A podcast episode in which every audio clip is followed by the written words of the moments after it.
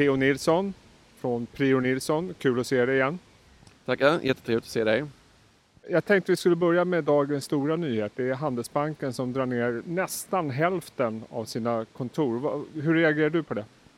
Det var nog en åtgärd som jag tror många hade hoppats på skulle ske någon gång om man tittar på rent lönsamhetsmässigt framöver. Och eh, att den kommer nu är väl en, tror jag också delvis ett resultat att man sett att affären funkar under den här coronakrisen. Att man har faktiskt blivit eh, testad och ser hur kunderna mår och om de klarar av att hantera hela tjänsteutbudet som finns på deras nät idag. Och det visar sig nu ha gått bättre än vad de själva trodde. Så att jag tror att delvis är det nog en konsekvens av det.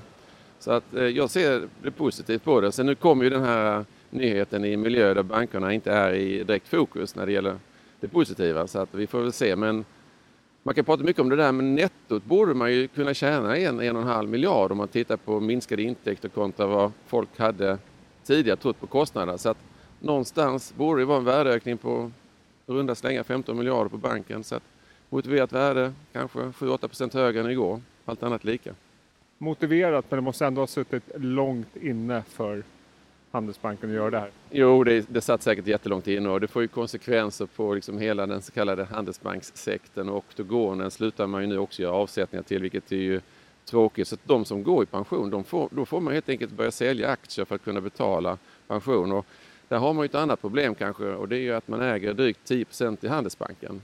Och går man under, under 10 så får tydligen det någon skattekonsekvens också, då får man betala skatt. Så att det är, ja, men eh, förmodligen så är det nog någonting över tid som kommer att uppfattas som ändå positivt. Men det är en helt ny epok i Handelsbanken. Jag tänkte vi skulle fokusera lite grann på fonden Realinvest som ni har på PM-fonder. Det är mycket fastigheter, infrastruktur, råvaror. Om vi börjar med fastigheter, det här är ju en sektor som har inte alls hämtat sig som övriga börsen efter det stora fallet förrän nu. Nu börjar det röra sig uppåt. Vad är din förklaring till att det kommer igång nu?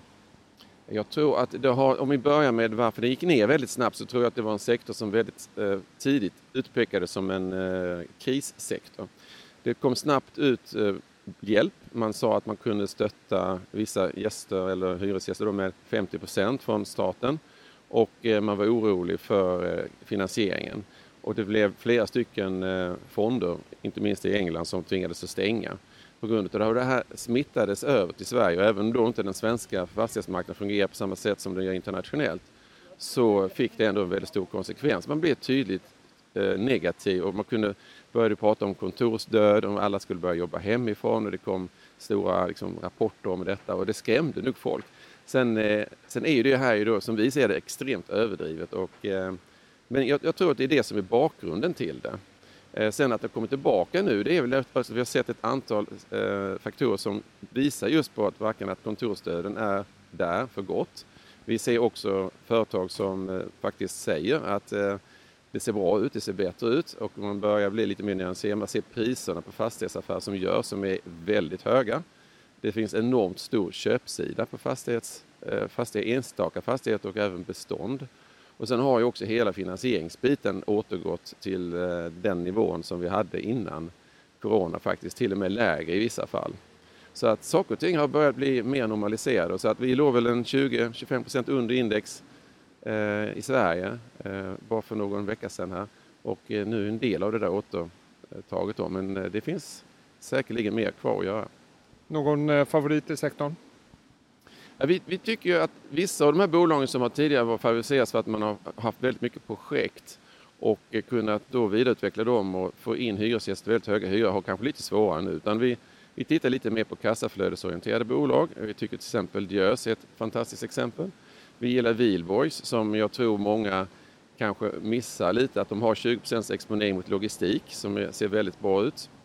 De har faktiskt vissa projekt men de är bra och dessutom så ligger de har de en exponering i Malmö där det inte ser vakanser. En del av Malmö börjar se lite vakanser men det är inte där Wihlborgs ligger. Så det är ett av våra favoriter. Sen tycker vi också om Nyfosa och Kungsleden som eh, också allihopa har bättre möjligheter än dagens kurs säger.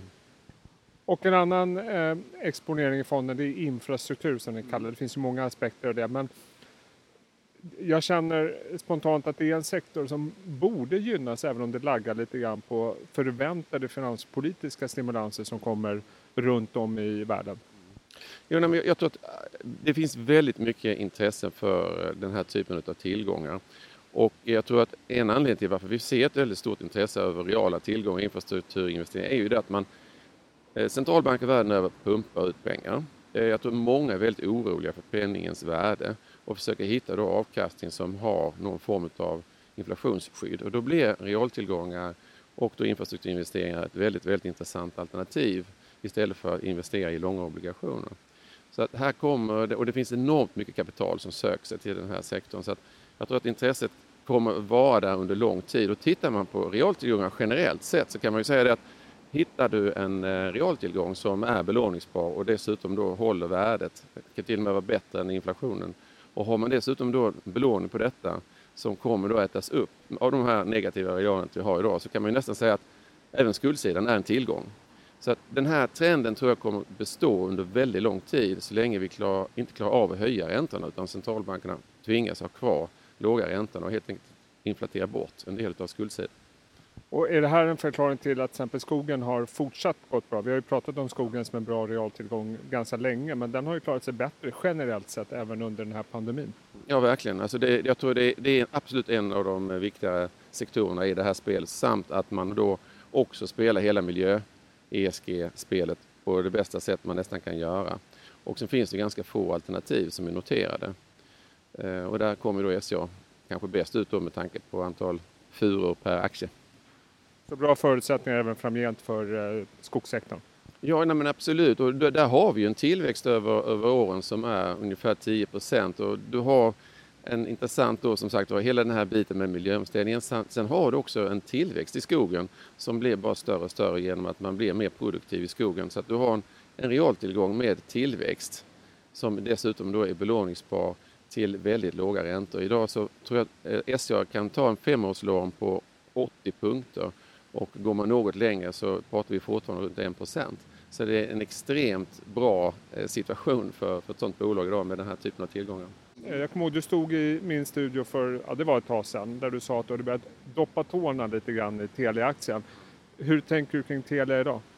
Jag är om möjligt ännu mer positiv. Det var fel. Vi var lite tidiga att doppa, doppa tårna i, i vattnet. Men eh, det vi såg då är egentligen samma sak som vi ser idag, eh, fast mycket, mycket närmare. Vi, det som blev fel initialt det var ju tv-förvärvet som gjorde att tele visade sig mycket mer konjunkturkänsligt än vad man trodde till exempel då i höstas eller förra sommaren. Och det som vi ser idag då, det är fortfarande samma sak. Jag tror att det kommer att vara en väldig fokus på deras infrastrukturtillgång som kanske är mest intresse just nu, det är deras torn.